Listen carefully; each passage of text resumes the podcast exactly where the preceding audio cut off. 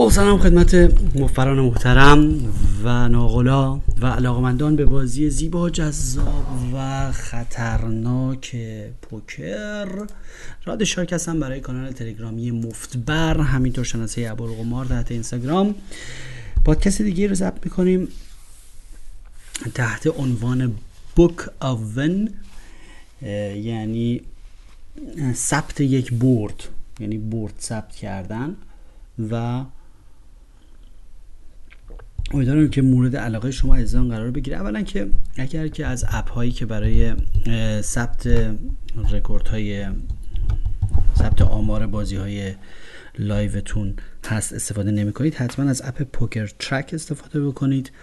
من تقریبا همه هفت هشت app ی که این کار رو انجام میدن رو استفاده کردم و طی چند ماه حتی بعضیاشون یه بار پریدن بعد از چند سال بس که ضعیف بود برنامه نویسش و آمار هشت ساله ما پرید.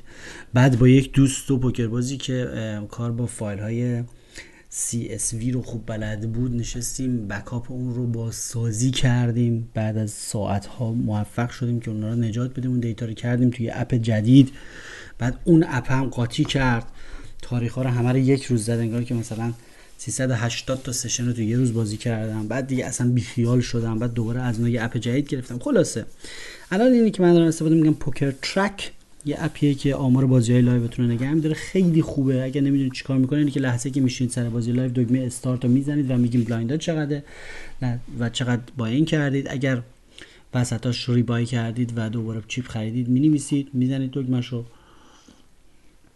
موقع هم که پا میشید stop و می‌زنید و میگید چقدر از chip اتون مونده یا چقدر به chip اتون اضافه شده. این باعث میشه که شما win rate hourly win rate تون رو در بیارید که ببینید در ساعت چی کارید. به طور متوسط برد و باختار رو می‌بینید و آمار سالانه دو سالانه سه سالانه و پنج سالتون پنج سالانتون رو در میارید که در بازی live بسیار مهم هست. ارزم خدمت شما که بعد شما منحنیتون رو می‌بینید که منحنی خیلی خیلی مهمه که از لحاظ روانی که بهش نگاه بکنید چون می‌بینید که خیلی فرازان شیب داره. ولی مثلا بهتون ثابت میشه که می‌بینید شیب کل منحنی انشالله که رو به بالاست و حداقل اینه که موقعی که باختای سنگین می‌دید اولش اون منحنی رو می‌بینید و حس خوب می‌گیرید و می‌بینید که در گذشته از این باختا زیاد بوده ولی در کل شما رو به بالا رفتید. و بدون نوسان پوکری وجود نخواهد داشت. در خصوص concept book a win بنده می‌خوام یک اصلاحی رو یا یک ایده جدیدی رو وارد طرز فکر پوکر live خودم بکنم. از اونجا شروع شد قضیه که اگر یادتون باشه این پادکست رو حتما گوش بکنید اول. اگر گوش نکردید پادکست زمان بلند شدن از روی میز یا کویت سشن. این پادکست رو چند سال پیش من تدوین کردم و اومدیم به طور اجمالی گفتیم که الان شما مربی خودتون هستید در پوکر مثل این بوکسورا که مربی دارن هم میاد در گوشش میگه میاد آب بهش میده حوله خیس بهش میده میگه که مثلا برو بزنش برو از چپ بزن فلان. یا اینکه میگه که تسلیم شو حالا بلند شو فلان. این در پوکر ما مربیمون خودمون هستیم و مربی سر میز نمیاد به شما حوله خیس بده. و اگر می‌بینیم که مشت خوردیم و نمی‌تونیم بریم توی رینگ باید خودمون خودمون رو بلند کنیم. یعنی شما دو تا شخصیت داری. یه بار شخصیت مربیت هست داخل خودت وقتی داری پوکر بازی می‌کنی یه هم شخصیت بازیکنت هست. و اینکه شما بازیکنت رو میفرستی تو رینگ میفرستی تو زمین یا نمیفرستی باید تصمیمش رو بر اساس سلامت روانی بازیکنت بگیری که چقدر مشت خورده چقدر الان رو A game ش هست در سطح آمادگی خوبیه. و موقعی که احساس می‌کنی که ای گیمش رو بازی نمی‌کنه باید بکشیش بیرون تا بره برای تجدید قوا. حالا در اونجا و در گذشته من چون احساس می‌کردم که حرکتی به نام هیت ران که حتما اسمش شنیدید یعنی وقتی یعنی بزن و در رو موقعی که نفر بلند میشه سریع دستی رو پولا رو برمی داره در میره چون احساس می‌کردم که این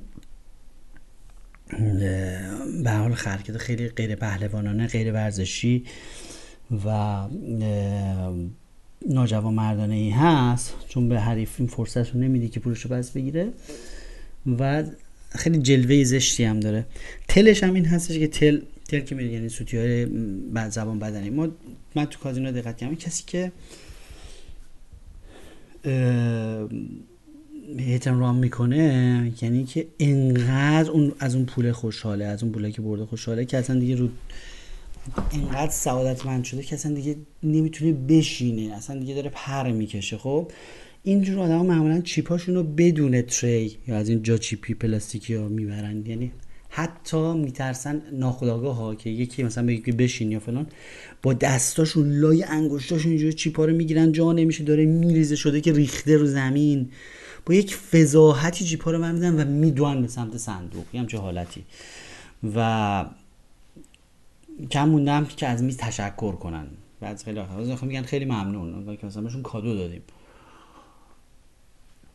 این معمولا تل و نشانه این هست که طرف داره هیتن رام می‌کنه و اون پول انقدر براش با ارزش بوده که داره فرار می‌کنه که بره سریعا چال کنه تو باغچه یا زیر بالشش پولا رو قایم بکنه.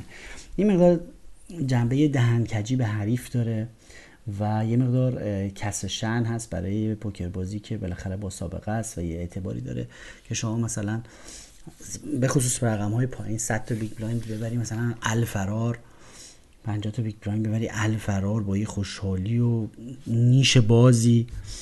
بدون چیپ تری خیلی بی کلاس لای دست و انگشت زیر بغل مثلا چیپ تو بزنی زیر بغلتو بری بودوی بری بریزه رو زمین با یک فضا. جیبای کد جیب کد دیدید؟ معمولا حالتی داره که نباید استفاده کرد که جون جیبای کتو پر کنی سنگین یعنی دو تا خورجین پر چیپ بکنی فرار کنی بری صندوق.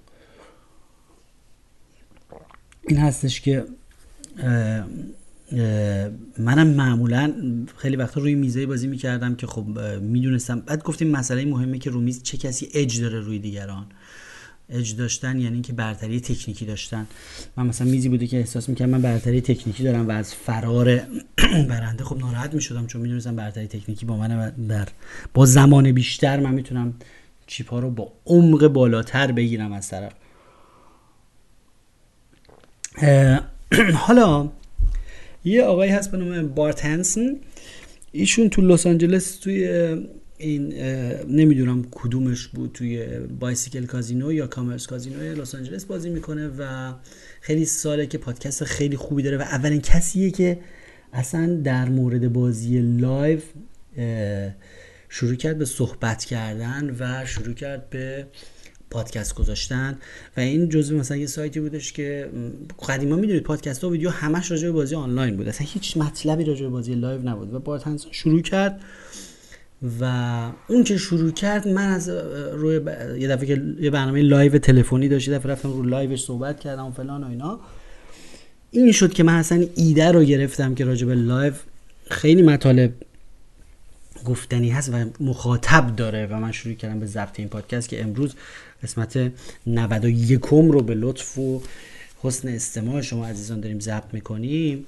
این شد که من فهمیدم که خیلی شیرین تر از آنلاین هم هست وقتی که راجع بازی live صحبت بشه و ایشون تمام پادکست هایی که کرده بود اون زمان اون زمان من دو دور کامل ختم کرده بودم از شدت تشنگی برای مطالب و ایده هاش ایشون یه تئوری داشت که هنوز به من اونطور اثبات نشده تئوری ایشون ولی رو تئوریش خیلی پافشاری داره که ایشون میاد میگه که همون البته میگم من اون تئوری رو تحت پادکست وچه شما سر میز است وچه اقتدار یا استعصال صحبت کردم. گفتم آقا وچه اقتداری داشته باشی مقتدر باشی چون برنده بودی از شما انتظار میره که شما خیلی مقتدر باشی و شکم سیر برخورد کنی و با دست کم فقط با دست بزنی و این حرفا به چه شکم سیری بعد وچه مستاثر اینه که مردم فکر کنن شما رو باختی و داری به هر علفی به هر چیزی دست میآویزی و داری با از روی استعصال داری بلوف می‌زنی و احترام نمی‌ذارن به بتهات و میان همش کالت می‌کنن. حالا ما اومدیم طبق اصل گلفان که میگه اگر از شما انتظار بلوف میره با دست بزنید خوبه و اگر انتظار دست میره با بلوف بزنید خوبه اومدیم گفتیم خب ما برعکس اون انتظاری که میز از ما داره باید بازی کنیم. اگر از ما مثلا همین دیشب من یه یکی دو تا دست خیلی خوب برده بودم. دستای خیلی قوی مثلا کاره آورده بودم و جکپات گرفته بودم و مردم فکر می‌کردن که وچه من شکم سیره. من اون از اون لحظه که احساس کردم وچه من شکم چون خودشون اگر شکم سیر باشن دیگه با دستبازی شروع کردم تقریبا به 100 درصد از دستام افتتاح کردن و سیبت و برل بلوف زدن بدجور. چون که مثلا دیگه تای استریت رو زمین میومد میکوبیدم. تای رنگی رو زمین میومد میکوبیدم روش. چون اونا از برنده و آدمی که وچه مقتدر داره اصلا انتظار ندارن که یارو رو بلوف بزنه یا این پول رو ریسک بکنه. و کلی پول مرده اینطوری جمع کردن بدون هیچ دستی. چون که خودشون وقتی که برنده باشن انقدر احساس شکم سیری می‌کنن که هیچ نوع ریسکی نمی‌کنن و میرن روی value side و میرن روی اون سمت بازی که فقط با دسته و فقط با دست بازی می‌کنن. در نتیجه برخلاف اون عمل کردن رو اصلا انتظار ندارن و انقدر دیگه بلوف زدم که داشت خندم می‌گرفت خودم. و مهمم اینه که دستتون رو مسلما نشون ندید نه که مثلا این بلوف رو بزنید بعد نشون بدید که مثلا به خاطر غرور خودتون اصلا. چون نمی‌خواین موضوع رو لو بدید همچنان می‌خواین ادامه بدید به این سوء استفاده از اشتباه فکری اینها. و من بستم آتش کشودم به روی میز تا جایی که می‌شد و اونا همچنان فکر می‌کنن که وای چقدر دست میاره بعد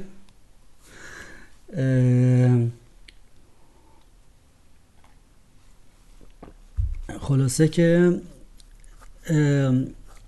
آره. من اینطور میگم من میگم باید برخلاف وچه اگر میز فکر می‌کنه شما مستاصل هستید شما واقعا فتیله رو بکشید پایین و با دست بازی کنید و مثلا از سیبتو برای زدن یه مقدار پرهیز کنید چون دیگه به شما اعتماد ندارن فکر نمی‌کنن که با دست می‌زنید فکر می‌کنن که همش با خالی می‌زنید چون مستاصلید. حالا بار تنسان تا اونجا پیش میره که میگه که آقا اصلا اگه وچتون مستاصل شده و مردم فکر می‌کنن که شما مستاصلید و رو باختید اصلا پاشید میزتون رو عوض کنید اصلا پاشید برید.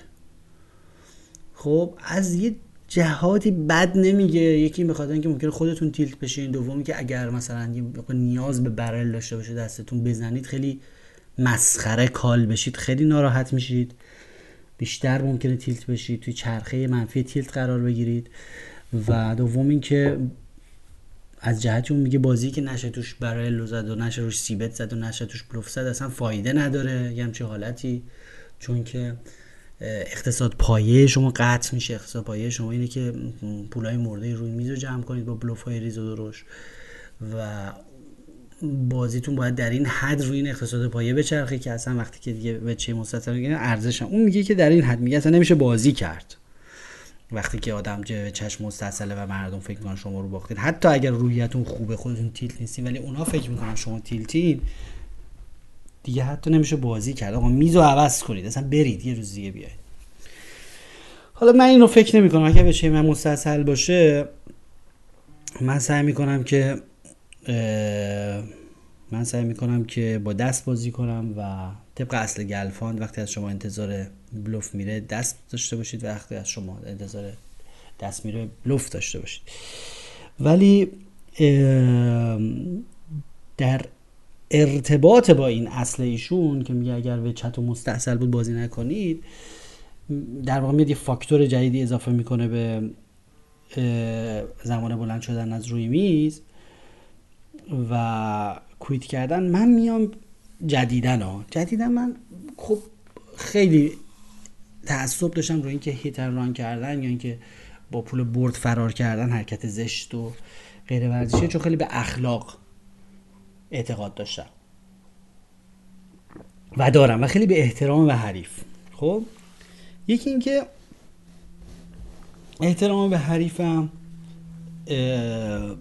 خیلی خوب واجبه و مثلا کسی که لطف می‌کنه یا آدمی که حرفه ای نیست و از سر تفندون میاد میشینه توی بازی لایوی پول بی زبونش رو می‌ذاره رو میز با ما درگیر میشه. خب این احترام داره واقعا. اما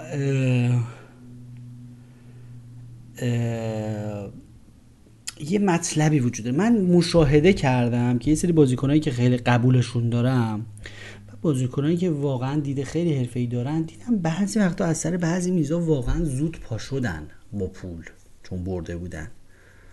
بعد پیش خودم گفتم اینا مثلا پهلوون نیستن. اینا مثلا تا یه دفعه می‌برن در میرن این حرفا. بعد اومدم گفتم که خب اینو بذار به حالا که واقعا هم اجرا میشه حتی بری گرینستین هم تو کتاب Ace on the River راجع صحبت کرده quitting گفتم بیا ما اینو یه ذره بیشتر روش فکر کنیم چند بار تست کنیم. ما اومدیم و گفتیم همونجور که شما باید یه استاپ داشته باشی. استاپ پلاس یعنی اون مرز روانی اون رقمی که اگر اون رقم رو ببازی از اونجا به بعد ممکنه تیلت بشی. ناخودآگاه. صرفا به خاطر اون مرز روانی اون پول. چه می‌دونم مثلا یه میلیون یه نفر میاد میگه اگر من ده میلیون تومن باخت رو رد بکنم دیگه از اونجا به بعد دست خودم نیست. حتی اگه همه به استراتژی فکر بکنم اینا ولی دیگه خون به مغزم نمی‌رسه. چون اثر روانی اون ده میلیون تومن خیلی رو من زیاده. مثلا ما بیایم برعکسش رو روی برد هم بگذاریم. مسلما بارها گفته شده که اگر بیش از پنج در انقدر برده بودید که اون بیش از پنج درصد بانک رولتون بود سرمایه بازیتون بود بهتره که رو میز پاشید چون اثر روانی باختمون زیاده. خب؟ همین رو می‌تونه آدم تعیین بکنه همون حدود 5 درصد بانک رول در نظر بگیره. یه مقدار بالا پایین یه ذره مثلا مرز روانی روش بذاره بگه آقا اگر من چه می‌دونم 5 میلیون تومن بردم این یه اثر روانی رو من داره که دیگه باختشو نمی‌تونم تحمل کنم. اصلا خودش هم حس می‌کنه به اون مرحله رسیده. و بهتره که یواش یواش یواش یواش با نهایت احترام از کلیه حضار محترم و رعایت روحیات ورزشکاری سایر مفبران محترم و ناقلا و حساس یواش یواش بپیچونم برم. چرا بپیچم برم؟ چون که بیایم اسم این concept جدید رو بذاریم. قدیما یکی به هم می‌گفت hit and run می‌گفتم نه نه نه. book and book a win book a win یعنی یک برد ثبت کردن. یعنی اون app ی که شما مثلا چه می‌دونم آقا ما یه ده روزه که داریم عددهای قرمز ثبت می‌کنیم تو اون app مون app پوکر live مون. بذار یه بار یه عدد سبز ثبت کنیم. بذار یه بار یه برد ثبت کنیم. برای روحیه خود آدم خیلی لازمه عدد سبز ثبت کردن. و آدم ببینه که چند بار پشت سر هم مثبت شده. چند بار پشت سر هم سبز بوده. عددش قرمز نبوده. و ثبت یک برد برای یک روز ثبت یک score از لحاظ روانی تاثیر مثبتی داره و اگر اون بره و حدود 5 درصد بانک رولتون باشه و از اون مرز روانی پولی که براتون مهمه بیشتر باشه بعد مثلا توی دست خیلی علکی بره درسته که لحاظ مطلق ریاضی و اینا اشتباهی تو اون دست نکردید یا مثلا اون دست باید درست در یک واکیوم به نوبه خودش تحلیل بشه. اما رو از لحاظ روانی ممکنه رو شما اثر منفی داشته باشه که خوب نیستش. خیلی آدم دلش میسوزه. میگه من که برده بودم انقدر فلان.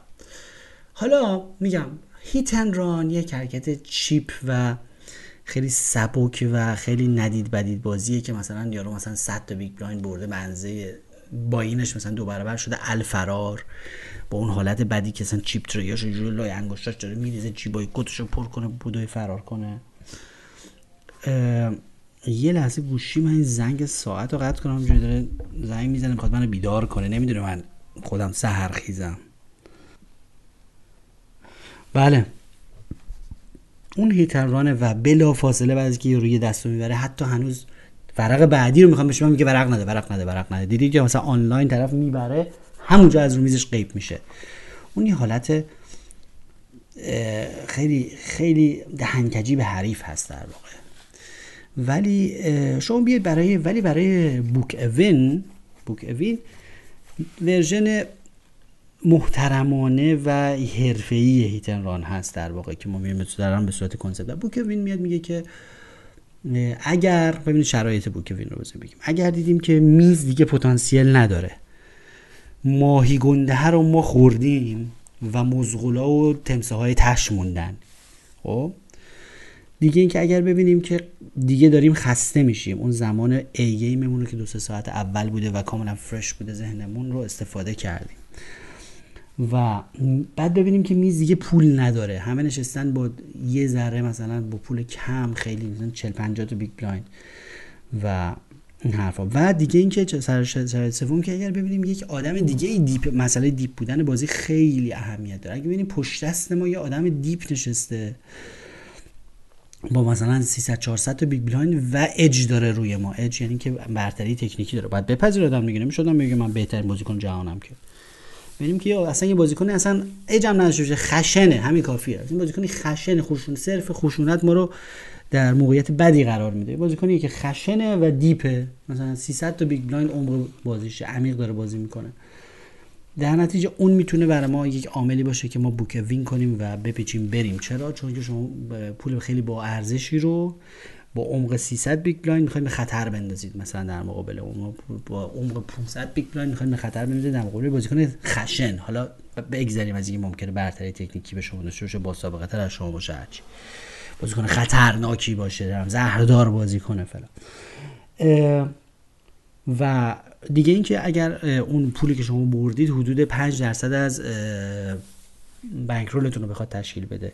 که خب مثلا من 5 درصد بانکرولتون رو اگه مثلا یه دست خیلی مسخره بیاد رنگ رو رنگ بخورید چه می‌دونم فول به فول بخورید بره بر اثر حکم ورق که اشکالی هم در اصل نداره. ولی علاوه روانی اون رو ضد حال میشه می‌تونید یواش یواش به بوک اوین فکر بکنید و بپیچید برید. مون تو اگر قرار شد که بر اثر مجموع این شرایط من دیدم واقعا بازیکنایی که من براشون خیلی احترام قائلم همه این کارو می‌کنن. میز رو نگاه می‌کنم می‌بینم میز چیزی برای عرضه نداره مزغلاش موندن.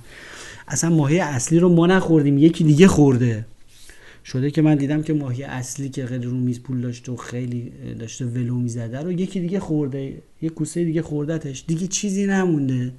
نمیشه از این میز چیزی در آورد حتی شده که ماهی بوده انقدر همه رو پولدار کرده که حتی ماهی های دیگه هم اینقدر پولدار و شکم سیر شدن درگیر نمیشن. اون میزم میزه بدیه. یعنی که آقا همه پولدار شدن همه مثلا مزغلا و ماهیا و اینا چهار پنج برابر کردن پولشون رو بر اثر یه ماهی خیلی بزرگ. شما دیر رسیدی به قضیه یا شانس شما نبوده. اصلا پول شما رو یارو ماهی از شما ساکاوت کرده پخش کرده بین بقیه بقیه و خودش هم رفته. بقیه ها شکم سیر نشستن. مقتدر نشستن. پول بده دیگه امروز نیستن. بار خودشون رو بستن. خوابیدن رو پول. شما می‌تونید اون میز رو به عنوان یک میز لمیزرع و نامناسب برای کشت تفسیر کنی و یواش یواش بگی که ما این مزرعه رو امروز ترک می‌کنیم فردا دوباره میایم با نیروی مجدد و آدم های مجدد با ذهن های ریست شده. دیگه ذهنیت امروز اینا خیلی دیگه سیره. و مثلا من مثلا 7 روز پیش یک میزی بازی می‌کردم که تصادفا یه بازیکنی که همیشه سی چل تا big blind میذاشت جلوش ده سال. یه دفعه ای نمی‌دونم چی شده بود که نمی‌دونم این دست رو تعریف کردم بعد یا چی شده بود که 400 تا big blind خرید کرده بود همون اولش. خب مسلما گفتیم که عمق بازی هرچه بره بالا مهارت نیاز داره دیگه. و اصلا من در ایشون نمی‌دیدم با وجود این همه سال بازی می‌کنه که اصلا چون تجربه یه 400 تا big blind نداره که ایشون بتونه 400 تا big blind عمیق بازی کنه. در نتیجه میز ما با وجود که میز خیلی بدی بود و چهار تا مزغول شورت نشسته بودن به واسطه اینکه یه آدمی که با وجود که مزغول بوده یه بازیکن سفتن مزغول به واسطه اینکه با یه عمقی داره بازی می‌کنه که اون عمق براش مناسب نیست شنا در اون عمق بلد نیست میز برای من پتانسیل داشت. در نتیجه من پشت دستش نشستم و سریعا رفتم چیپ بیشتر تهیه کردم از صندوق و منم به همون اندازه عمیق نشستم و به واسطه دعاهای شما عزیزان بالاخره یه دستی اومد که من روش full بودم. و ایشون trips داشت و خب بالاخره full و trips هم می‌خوره. ایشون مهارتی رو نداشت که تو یه همچین دستی رو 400 تا big blind عمیق نمیشه بازی کرد. بخصوص که من می‌دونم ایشون مزغله و داره با trips می‌زنه با دست می‌زنه. من فقط وقتی که full داشته باشم میرم دنبالش. و خلاصه این 400 تا big blind رو ایشون در یک دست تقدیم کرد و رفت. یه نکتهش این بود که من رو flop full بودم. flop بود شاه شاه چهار. ایشون آس و شاه داشت. من دو تا چهار دستم بود یعنی full چهار بودم. flop بود شاه شاه چهار ایشون آس و شاه داشت. رو flop شاه شاه چهار من یه جفت چهار داشتم تو دستم. ایشون از اون شوکی که بهش وارد شد تو showdown ولی من full م برگشت گفتش که بازیکن سمبوله. من برگشت گفت خیلی خرشانسی. رو برگ آخر منو گرفتی. من تمام مدت جلو بودم. یعنی که مثلا این چهاره ریور بوده. خب؟ همچین توهم زد. گفتم آره واقعا شانس آوردم. چرا؟ بعد یه پسر دیگه برگشت گفت نه نه این از اول رو flop full بود بابا. گفتم شش. پسر گفتم اون چیزی نگو دیگه. شما نمی‌تونی هم پول یه نفر رو ببری هم بهش احترام نذاری. اگه اون داره خودش رو اینطوری تسکین میده احترام به حریف روحیه ورزشکاری. که ایشون داره خودش رو با این تسکین میده که حریف خوش شانسی آورد اشکالی نداره. دیگه نمی‌خواد که همون هم ازش بگیری. یعنی پولش رو گرفتی غرورش هم ازش بگیری.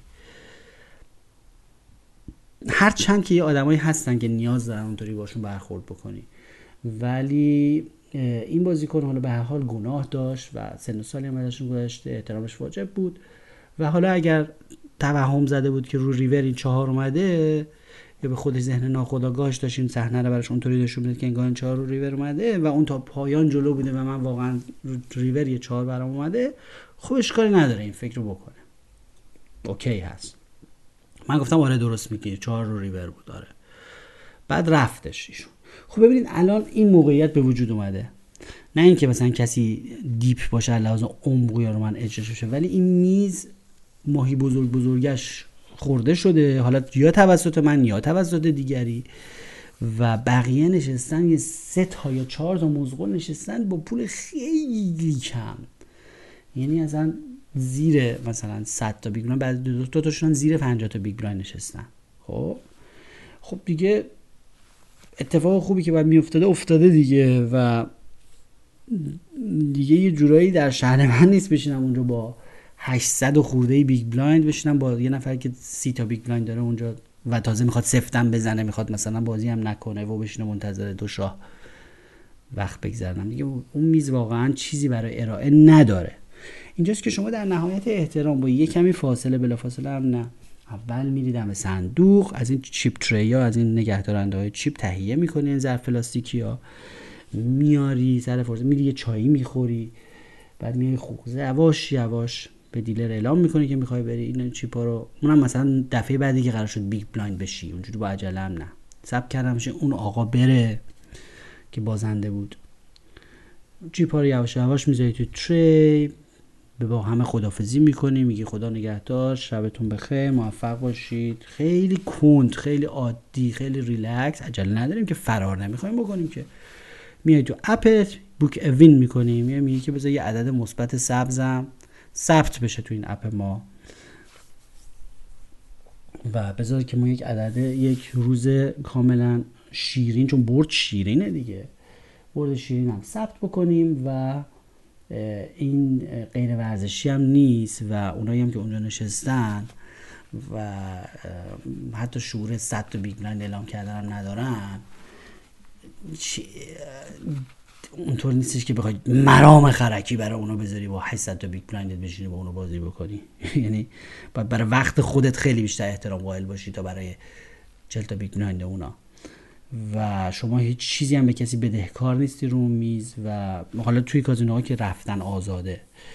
جایی هست که رفتن آزاد نیست بازی های live ی که ما تهران بازی می‌کردیم. اونجوری هم رفتن آزاد نباشه شما تا آخرش میشستی. من به احترام بازنده تور بازنده میشستی و این حرفا. ولی تو بازی های خارج از کشور اینطوریه که شما آزادی که بری هر ما می‌خوای بری. منظوری که اونجوری که اونا هول می‌زنن و جیبای کتشون رو پر می‌کنن و فلان فرار می‌کنه با 100 تا big blind واقعا ضایع است. ولی شما می‌تونی یه عدد روانی رو برای خود تعیین کنی. اگه من فلان اگر 10 میلیون تومان برنده باشم چون این مبلغ مثلا 5 درصد bankroll من میشه مثلا و این مبلغ اصلا اثر روانی داره. ده میلیون به من اثر روانی. اگه ده میلیون بره خیلی میسوزم. من اگر بردم به ده میلیون رسیدم مثلا دیگه یواش یواش یواش یواش جمع می‌کنم میرم. خیلی بدون هول شدن. و از اینکه اون عدد مثبت توی اپم ثبت بشه خیلی خوشحال میشم و اسمش از بوک اوین یعنی یک ثبت یک برد. نه بیشتر نکنده نمیشه ندید بدید بازی نمیشه فرار نمیشه فرار از صحنه حادثه پیتن ران. نه میشه حرکت غیر ورزشی. ما ببینید که بر اثر گفتیم شرایطش هم این باشه که یکی اینکه میز دیگه پتانسیلی نداره چیزی به شما بده برای وقت خودت باید بیشتر احترام قائل بشی. دوم اینکه ممکنه که لحاظ عمق بازی نامناسب باشه. کسی که پشت دست شما نشسته و عمق بازیش زیاده پول زیادی رو عمیق تحت خطر قرار برای بازیکن خشن. ممکنه بازیکن خشن بازیکن هم صرف خشونتش حالا نمیگیم قوی تر شما باشه. ان که هیچ قوی تر شما نباشه. قوی بودن و دیگه خستگی. ببینید اگر بدشانسی پول شما رو نگیره ممکنه خستگی پول شما رو بگیره. شما سه چهار ساعت اول A game تو بازی می‌کنه کاملا آماده ای ولی ممکنه بعدا بر اثر خستگی شروع کنی به شیلنگ تخته انداختن. خستگی ممکنه پول شما رو بگیره. و بحث بارتنسن هم که گفتیم که وقتی میگه اون میگه که حالا تو تئوری اون یه جاهاش اینجاش برعکس میشه. اون میگه که اگر image شما مستحکمه مثلا در این مثال image من مستحکمه دیگه. شما مستحکمی نون تو روغنه و می‌تونی همینطوری بلوف بزنی و پولای مرده رو جمع کنی. حیفه. بشین و پولای مرده رو جمع کن. بله اگه میز پول مرده بده باشه درست میگه. میشه نشست و پولای مرده هم جمع کرد. ولی خب اونا خیلی دیگه مزغول کم کم عمق بودن. میز پول مرده بده باشه بله میشه جمع کرد. من هفته گذشته یه میز دیگه بازی می‌کردم که در ظاهر اصلا میز خوبی نبود. اگه هر آدم حرفه ای از کوسه های خودمون رگای خودمون بازی کنم پاسابت های خودمون میزون میزون می‌گفت چرا سر میز نشستی؟ ولی اون میز داشت منو تعقیب می‌کرد. چون می‌خواستن منو بکشن پایین و من وجهم مستحکم بود و من سیبتام جواب می‌داد. من هر دست آتش کشوده بودم و رو flop که میکوبیدم اینا سه نفر جا می‌رفتن. خب c-bet هم رو سه نفر جواب می‌داد و نه یه بار دو بار ده بار 20 بار. و من داشتم خیلی خوب اقتصاد پایه اجرا می‌کردم و پول مرده جمع می‌کردم بدون دست. در نتیجه اون میزو نشستم. میزو نشستم و خیلی خوب پول مرده جمع کردم رو اون میز. چرا؟ چون میز داشت خیلی غلط بازی می‌کرد با من. چهار نفر بودن چهار نفرشون هم برنامه های مزغولی داشتن که بیان دوپر بشن ولی دوپر که نمی‌شدن سری من میکوبیدم و ول می‌کردن میریختن و من آتش رو گشوده بودم روشون. و خیلی اقتصاد مناسبی ایجاد شده بود و من داشتم پول مردار جمع می‌کردم. اون باز میز مناسبیه. و هیچ کدومش هم اونقدر عمیق نبود که خطری ایجاد بکنه. همه این عوامل رو آدم می‌تونه در نظر بگیره و اگر شما خواستید از یک میز بلند بشید هیچ اشکالی نداره حق طبیعی و شرعی شماست و شما می‌تونید از اون میز بلند بشید. منتها یه حالت دهنگجی به دیگران نشه جیبای شلوار و جیبای کت آدم پر بکنه بدون ظرف و نمی‌دونم الفرار و حالت ندید بدید بازی نباشه.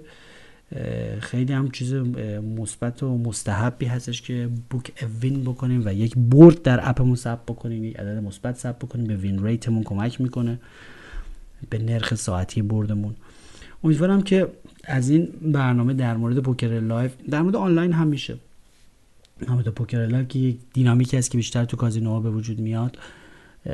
برای شما جالب بوده باشه و شما هم یه وقتایی که برنده هستید بیپیچید برید ولی خیلی تابلو نکنید.